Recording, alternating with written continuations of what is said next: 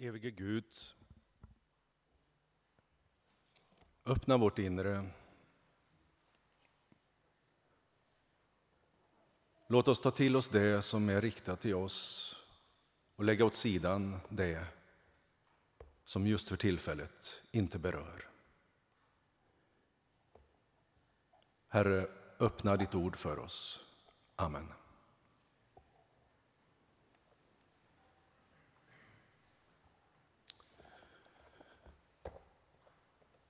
I februari 2016 så var det en insändare i Smålandsposten. Det var en 14-årig flicka som skrev, och hon skrev så här. Jag är en muslimsk flicka på 14 år. Och det jag stör mig på mest just nu är att allt fler människor i världen ser alla muslimer som terrorister. När jag skriver detta skriver jag bara från erfarenhet som till exempel när jag var på flygplanet med min mamma och pappa så hörde jag en man bakom mig som sa, och jag citerar bara de inte spränger oss i luften. Det han sa var för mig väldigt sårande. Men mest blev jag irriterad och arg både på mannen som sa så men speciellt på citationstecken muslimer som tolkar islam på fel och negativt sätt. Grejen är att dessa terrorister får hela världen att vara rädd för varenda muslim. Så ibland förstår jag att icke-muslimer är rädda för mig. Till och med jag blir rädd för vissa muslimer. En gång satt jag och min syster i bilen utanför Ica och var på väg att gå in. Men då såg vi en man med skägg som hade på sig en tjock militärjacka som också var på väg in till Ica. Jag och min syster bestämde oss för att vänta utanför tills mannen kom ut igen. När han gjorde det såg vi att han var som vilken man som helst som bara hade gått in till Ica för att köpa blöjor till sitt barn. Om den här mannen inte hade varit muslim så tror jag inte att jag hade varit lika rädd. Jag tror inte ens att vi hade lagt märke till mannen. Det vill säga, det jag vill säga med den här insändaren är att folk måste tänka efter när de bemöter varandra och att de ska försöka att inte döma folk bara för vad som sägs på nyheterna. Så långt flickan. På eh, koncentrations, konfirmationslägret, konfirmationslägret så hade vi en hel dag eh, om eh, What would Jesus do? Där vi satte oss in i situationen för att tänka vad skulle Jesus ha gjort? Och helt klart så skulle han aldrig dömt en liten flicka för vad extremister gör. När vi dömer ska vi veta att på försvarets sida står Jesus och säger döm inte. Det är så lätt att falla in i det allmänna fördömandet. Och jag tror inte att någon av oss kommer undan. I alla fall om jag utgår ifrån mig själv. Historien visar att rädsla kan få vem som helst att acceptera orättvisor som drabbar minoriteter. Det är alltid det främmande, det annorlunda som kommer i skottgluggen. När rädslan kommer över oss och vi börjar döma så finns det några bibelord som jag tror att vi behöver fundera över. Lukas 6 och 37. Döm inte, så ska ni inte bli dömda. Förklara ingen skyldig, så ska ni inte dömas skyldiga. Frikänn, så ska ni bli frikända. 1 Johannes 4 och 18. Rädsla finns inte i kärleken. Förklara ingen skyldig. Så ska ni inte... Nej, förklara ingen... Nu kommer jag det. Rädsla finns inte i kärleken. Ty den fullkomliga kärleken fördriver rädslan. Ty rädsla hör samman med straff och den som är rädd har inte nått kärlekens fullhet. I bergspredikan i Matteus, älska era fiender och be för dem som förföljer er. I Lukas, nej, älska era fiender, gör gott och ge lån utan att hoppas på, på att få igen.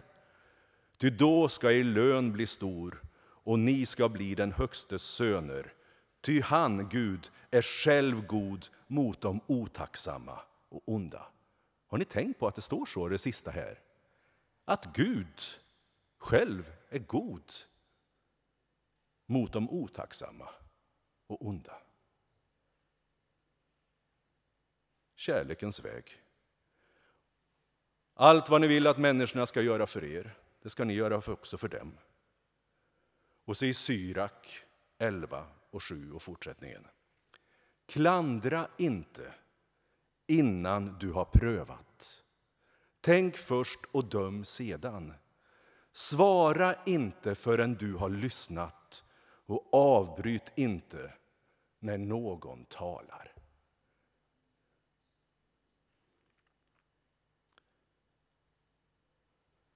Och så har vi berättelsen i Johannesevangeliet om kvinnan.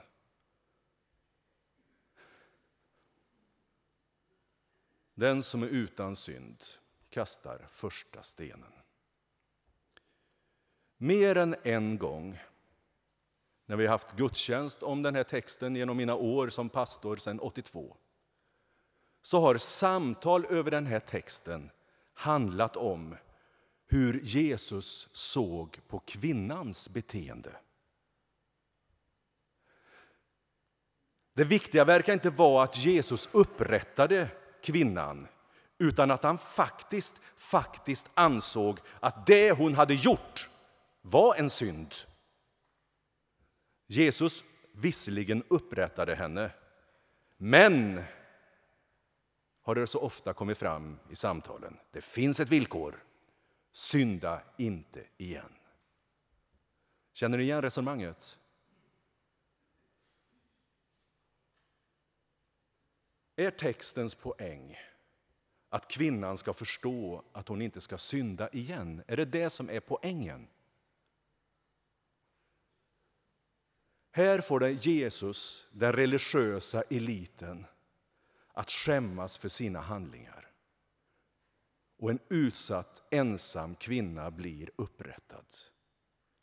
Att vi då fastnar vid kvinnans synd blir lite märkligt. Och man undrar varför.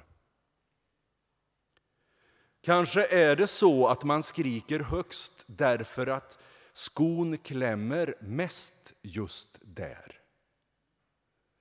När präktigheten och hyckleriet tar kommandot i människan blir vi oftast som mest moraliska där vi själva har de största svårigheterna.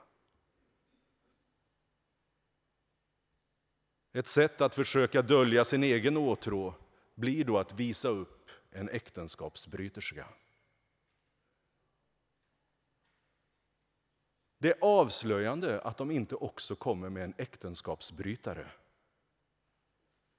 Kvinnan görs till ensam skyldig för det som det krävs två till. Det Jesus gör när han sätter sig ner och ritar i sanden och svarar på de skriftlärdas fråga är att avslöja dem som dömer. När de lämnar sina stenar och i tystnad går därifrån inser vi som läser att det inte bara finns en syndare där. Kvinnan är inte ensam att stå där med sin synd.